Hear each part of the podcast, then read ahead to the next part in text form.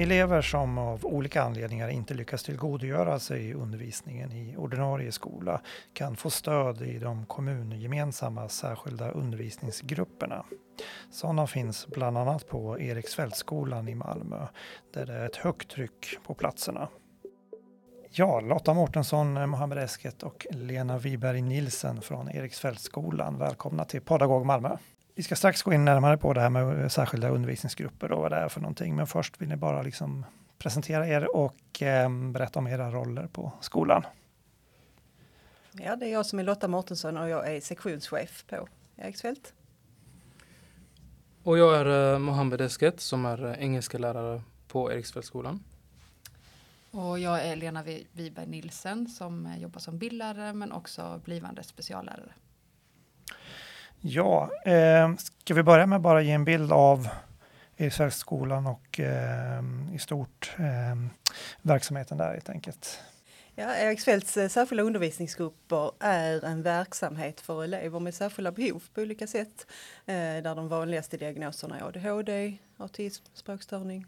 Så. Och vi har ele elever från årskurs 5 och upp till årskurs 9. Eh, alla eleverna har sin hemskola kvar så att de har en, en grundskola som de tillhör och sen så har de då en placering hos oss i form av särskilt stöd. Hur många elever? Vi, eh, på Eriksfält är det tre undervisningsgrupper och i varje grupp är det 12 elevplatser. Så 12 gånger 3. Och det här, ni, ni, brukar fylla upp dem, de brukar uppfylla de platserna så att säga, eller hur är trycket på? Ja, ja, det är tryck på de platserna. Just nu framförallt i våra högstadiegrupper är det eh, tryck. Mm. Hur ser det ut? Är det någon speciell eh, övervikt så att säga eller någon speciell ålder där eleverna brukar komma till er? Eh, ja, det är ju två av våra grupper är ju 7 till 9 grupper så vi har ju flest högstadieelever och så är det då den tredje gruppen som är just nu en årskurs 5 och sen resten årskurs 6 elever. Eh, så övervägande högstadieelever och övervägande pojkar. Mm. Egentligen nästan bara pojkar. Ja, vilka är eleverna som, som eh, kommer till er för att få hjälp och stöd? Kan man se någon, någon röd tråd där eller finns det någon, liksom, ska vi säga, bakgrund man brukar ha? Eller? Ja, det är ju, eh, det är ju elever med eh, NPF, bland annat eh, autism, ADHD, Uh, det är elever som har missat väldigt mycket skola. Uh, som har uh, haft bland annat trauman i sina liv. De flesta av dem är ju också i språklig sårbarheter eller har läs och skrivsvårigheter. Mm. Du nämnde det här Mohammed att man har missat stora, stora bitar av sin skolgång. Vad kan det, vad kan det vara för, vad kan ligga bakom det? Ja, men det som jag sa innan, det kan ju vara trauman, det kan ju vara eh, svåra hemförhållanden. Eh, de har kanske varit hemma mycket och eh, kanske varit ute och eh, ja, jag har bara eh, skippat skolan kan man säga. Eller undvikit skolan rättare sagt. Ja, eh, vad kan man säga ungefär hur lång tid eller när så att säga kommer ni in i bilden där så att säga från att man har börjat kanske ha en, få en frånvaro och eh, när är det typiskt att ni, ni träder in så att säga här? Vill du säga någonting om det? Ja, jag vet inte om det är något riktigt typiskt. Det finns ju andra SO-grupper i, i, i vår förvaltning som tar emot yngre elever än våra också. Ibland är det elever som kommer från dem till oss som har varit i en annan sån här verksamhet innan. Eh, så det, det kan vara när som helst under deras skolgång. Vissa när de är yngre och vissa när de är äldre. Mm. Mm. Tillbaks till det Mohammed pratar om när de har missat. Ibland är det de har väldigt kort uthållighet i sitt skolarbete också. Så att även om de är i skolan så, så, så orkar man lite kortare och mm. ja, på det viset så hinner man inte riktigt alltid med det som mm. de jämnåriga i övrigt gör. Mm. Kort uthållighet säger du, kan du ge mer en bild av det så att säga, hur det yttrar sig där? Våra lektionspass är ju kortare. Eh, de är 40 minuter rent schematekniskt och det är många gånger att vi inte orkar det utan man får jobba kanske ibland till och med i 10 minuters sjokpaus, 10 minuter paus. Eh, så, beroende på deras uthållighet. Och det kanske funkar lite längre på förmiddagen och på eftermiddagen är de tröttare och då är det kortare. Eh, så i det, där måste vi hela tiden vara följsamma och anpassa. Mm. Det låter som att ni måste vara på, ja, på tårna där så att säga och vara väldigt flexibla. Och, men jag kan tänka mig att det låter som en varje skoldag, eh, ingen skoldag liknar en annan så att säga. Nej men precis, det är nog sådär. För Du, du beskrev att korta pass, det kan vara 10 minuter åt gången eller vad, vad kan det vara? Man försöker ge en, ge en, eh, en av frågorna här var ju liksom en vanlig skoldag, men nu förstår jag att den frågan kanske är lite, eh, inte så, är lite felställd egentligen. Men, men det eller finns ju någon rutin ändå kanske. Vi har ju vanligtvis eh, längre morgonrutiner eh, än eh, kanske vanliga skolor. Vi startar upp, eh, vi ska bara ta exempelvis vår grupp, eh, med lite läsning och sen har man lite fika kanske. Och så kanske påbörjar skoldagen ordentligt därefter. Så det är eh, beroende på att de här eleverna kanske behöver lite större startsträcka så har vi en, eh, en längre morgonrutin på morgonen till exempel. Och så har vi ju de här regelbundna pauserna eh, mellan, under lektionerna men också lite längre emellan. Um, och det är ju korta lektioner, precis som Lotta nämnde. Uh, max 40 minuter. Mer orkar de nog inte. Mm. Är det något speciellt eh, ni behöver tänka på när det gäller just den här starten? Säger du att det är en startsträckan och sådär. Vad, vad kan ni göra då liksom? Eller hur, hur får man den? Hur blir hur är den bra? Ja, men starten är ju oerhört viktig har man märkt. Um, går det fel vid starten så kommer nog inte resten av skoldagen funka för, de, eh, för många av de här eleverna. Så det är väldigt viktigt att eh, starta bra, såklart. Mm. Mm. Starta bra. Mm. Och det handlar bara om att samlas och få en lugn Ja, start. det kan ju börja till exempel med att eh, man, eh, ja, vi samlas lite, pratar lite, frågar hur gårdagen har varit, kvällen har varit, pratar lite, eh, ja, enkelt småprat. Sen kanske man börjar med, vi har haft högläsning och vi har haft läsning tillsammans. Eh, och så lite fika, spela lite spel kanske, få dem att slappna av. Och så börjar skoldagen ordentligt.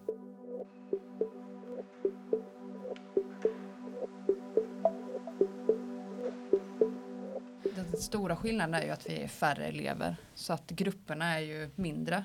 Om man eh, skulle dela så är de kanske max sex elever i ett klassrum.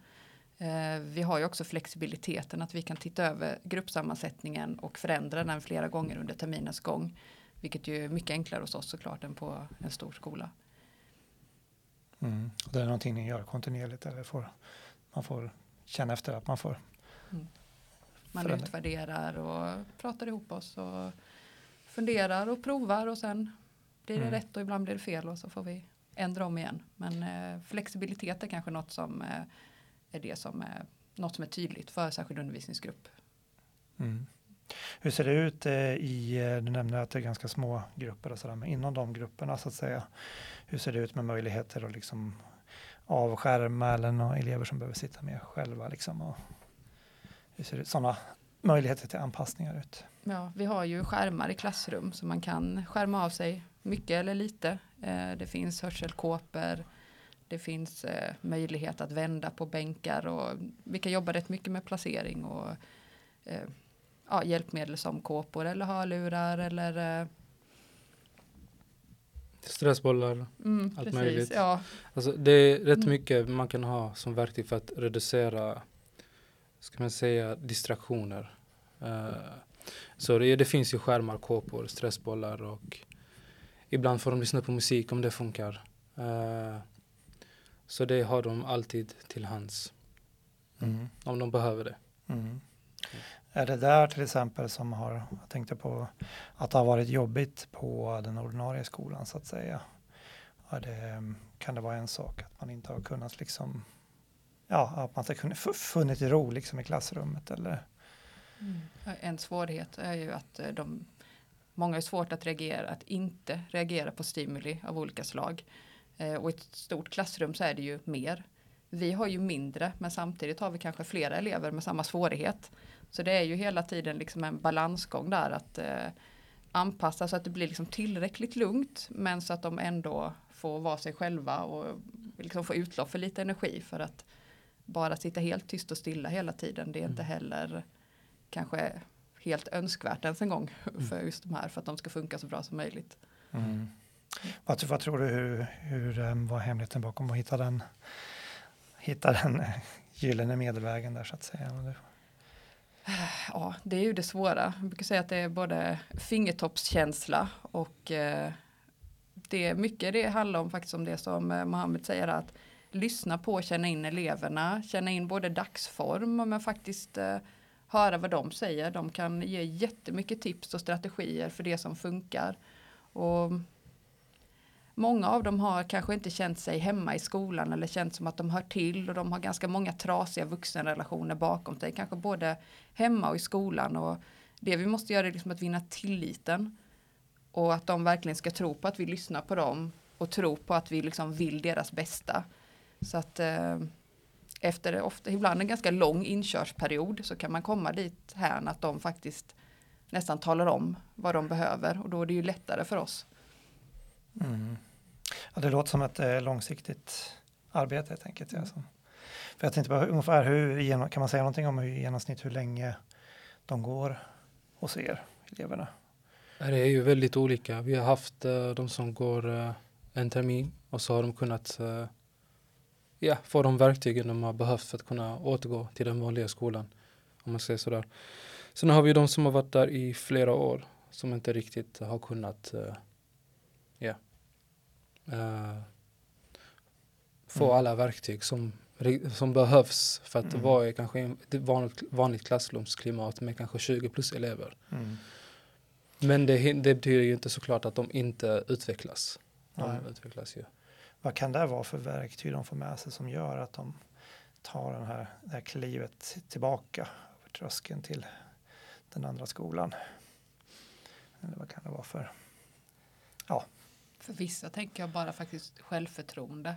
Att tro på sig själv igen, att tro att man kan, att man är en som kan. Att man inte bara är en som stökar eller en som får skäll eller en som det rings hem till.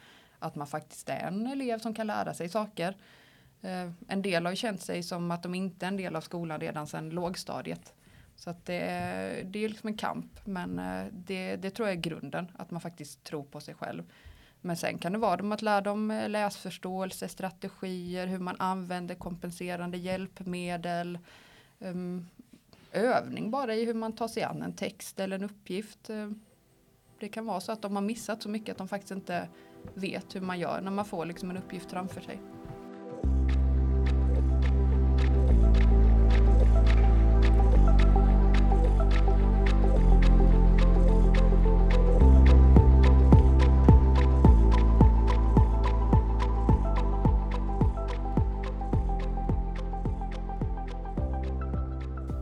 Vad skulle du säga, vilka är de vanligaste missuppfattningarna om, om er verksamhet?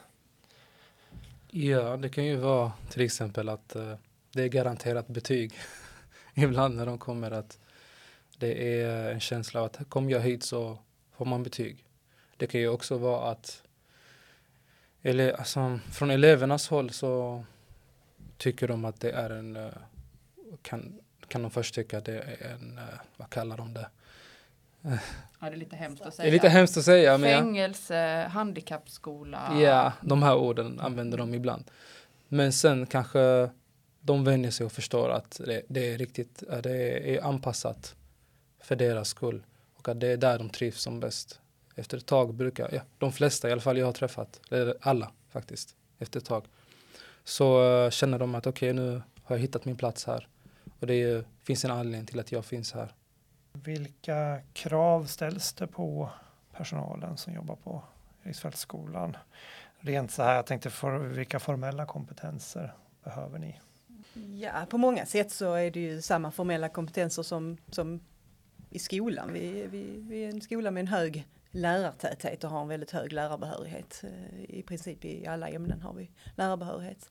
Sen har vi personal också som är mer eh, med lite beteendevetenskap och eh, socionom och så. För att det är, vi har pratat en del om att de har stora utmaningar i sitt lärande. Där är ju också utmaningar i det sociala. Men eh, mm. skickliga pedagoger som har ett eh, genuint intresse för mm. de här eleverna och hitta, hitta strategier för lärare, lärandet för, för vad mm. Så goda relationsbyggare och, och ett stort mått tålamod behöver man vara utrustad med. Ja. Sociala utmaningar pratar om. Hur, vad kan, vad kan det, hur kan det yttra sig? Eller vad? Det ligger i deras eh, brist, eh, låga impulskontroll, eh, att man inte har lika lätt för att sätta sig in i en annan människas känslor och förstå varför en annan människa gör som den gör och så. Som innebär att man kommer i situationer som kan bli konfliktfyllda, man missförstår. Eh, det kan vara att språket inte, man har språklig sårbarhet som gör att man missförstår varandra och så. Och impulskontrollen i kombination med ett stort rörelsebehov så kan det hända plötsliga och oväntade saker som, mm. som ställer till det socialt för dem. Ja, du har beskrivit innan också, vi har haft lite kontakt här om eh, det här jobbet som ett känslobad och det liksom ställer stora krav på den relationella förmågan. Mm. Vad kan det, kan ni ge några exempel på situationer där den här förmågan sätts på mm. prov? Liksom? Bara för att förtydliga det, våra, våra elever har starka känslor. Är de glada är de väldigt ja. glada, är de arga så är de oftast väldigt arga och, och, och så vidare. Och, mm. och det, det, blir starka känslor och det är ju klart, har eleverna starka känslor så, så påverkar det oss vuxna som jobbar där också. Det, det, det är ju en, en äh, affektsmitta eller en känslosmitta i det. Mm. Eh, Ja, vad, vad, sa du? Tillbaka? Ja, nej, men den här, just det här känslobadet som du beskriver, hur kan man liksom, finns det exempel på när den här verkligen relationella förmågan hos personalen sätts på prov eller något? Mm. Mm. Ja, vi brukar ju prata att man ska sätta in på relationskontot så fort du är i mm. positiva situationer, att du sätter in för den dagen det kärvar. När eleven inte har en bra dag och det har blivit en effekt eller så, så behöver du som vuxen kunna plocka ut lite på det kontot. Eh, så, för att du ska kunna där ja, säga ifrån eller vad, vad du behöver i den situationen. Och har du då inte det relationskapitalet från början så blir det svårt eh, när, när vi behöver. Och vad kan det vara, sätta in på det här känslokontot som du säger, vad kan det vara, är det vara praktiskt konkret? De små pratstunderna, ta alla positiv förstärkning i alla, i alla situationer du har möjlighet som vuxen i, så, och vara. Eh, lärarna som jobbar hos oss, de är ju oerhört mycket med eleverna. Och det är färre elever om man är med dem hela dagen.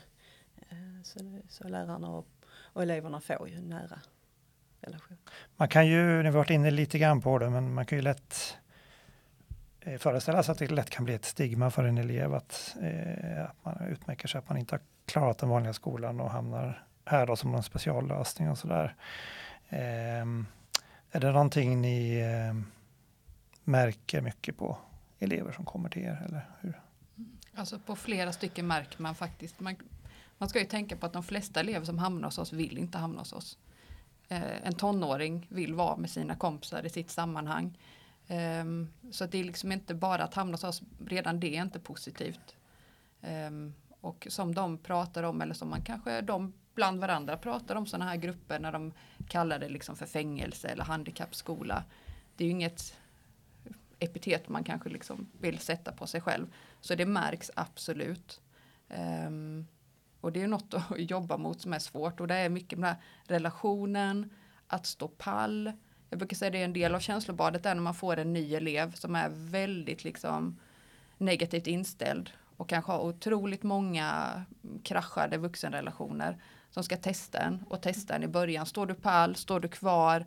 Man provar med ord, man provar med handlingar Eh, och så står man kvar och lyssnar och står kvar och ibland får man stå där i veckor innan det lossnar. Men eh, ja, det är väl också en del av den kompetens som krävs lite av oss faktiskt. Att eh, tålamodet och ja, verkligen visa att man tycker om eleven bakom alla ord och handlingar.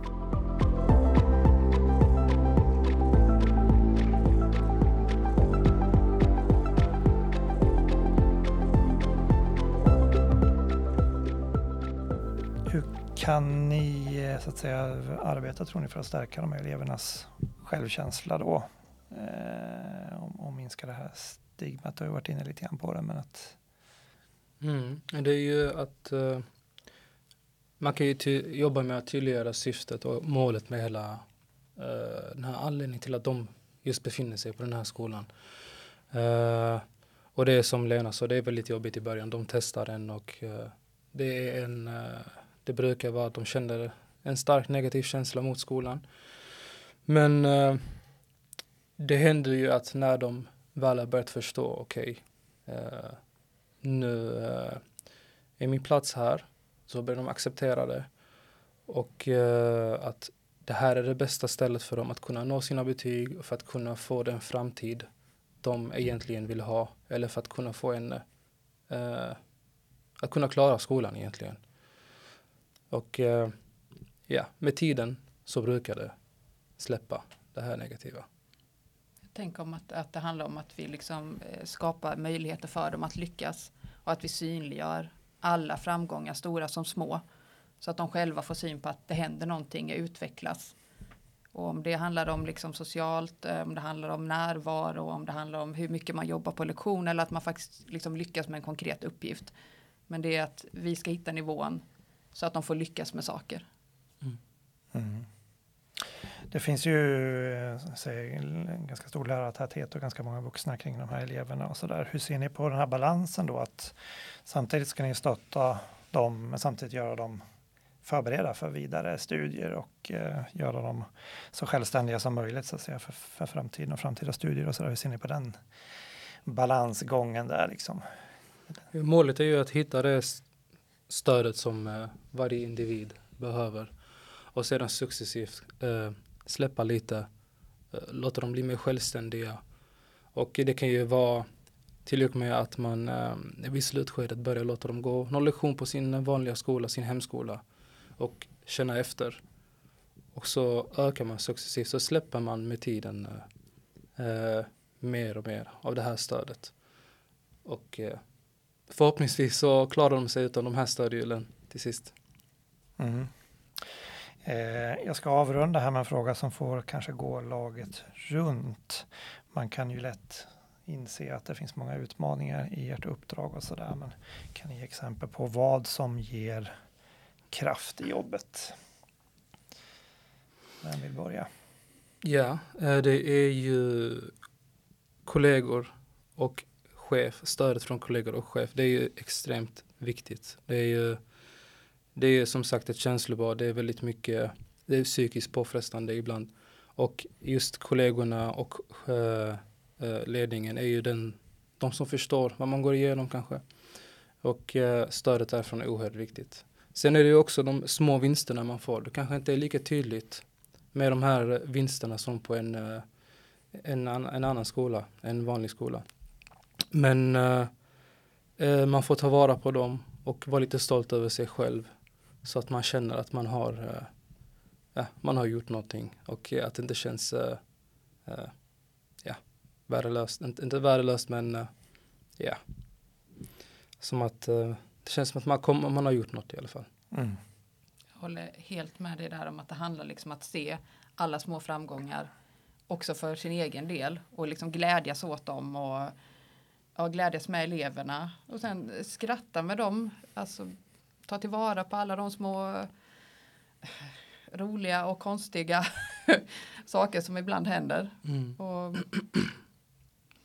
Sen kan det ju de här uh, små framgångarna, vinsterna var ju väldigt små i våra ögon eller andras ögon i det stora samhället. Men för eleven kan det vara extremt stort. Det kan ju vara att en elev vägrar skriva en bokstav och har kommit fram till att, uh, att de har börjat skriva meningar nu. Så det är ju en uh, stor produktion för dem. Och sen fortsätter ju det förhoppningsvis. Uh, så de vinsterna måste man ta med sig. Det är inte bara betygen man ska stirra blint på. Mm. Det kan vara de här små detaljerna också som är starten på något mm. större också. Ja. Jag håller med om det som är sagt här. Eh, det, det, det, det, här att vi behöver varandra. Det är ingen som klarar det här jobbet själv utan vi, vi behöver alla som är i, i huset behöver vi varandra på olika sätt. Det är en viktig del i att så. Sen är det att följa elevernas utveckling och, och se när det faktiskt tar steg framåt. Och följa dem som individer. Det är fantastiska unga människor och bara sitta och höra deras berättelser om olika saker. Det värmer ens hjärta många gånger. Lotta Mårtensson, Mohammed Esket och Lena Wiberg Nilsen. Eh, tack så mycket för att ni var med i Podagog Malmö. Tack så att fick vara med. Tack så mycket. Du har lyssnat på Podagog Malmö, en podd som görs av redaktionen på Pedagog Malmö. Vem skulle du vilja höra i podden framöver? Maila oss med tips på pedagogmalmo.malmo.se. Vi finns också på Facebook och där heter vi Pedagog Malmö.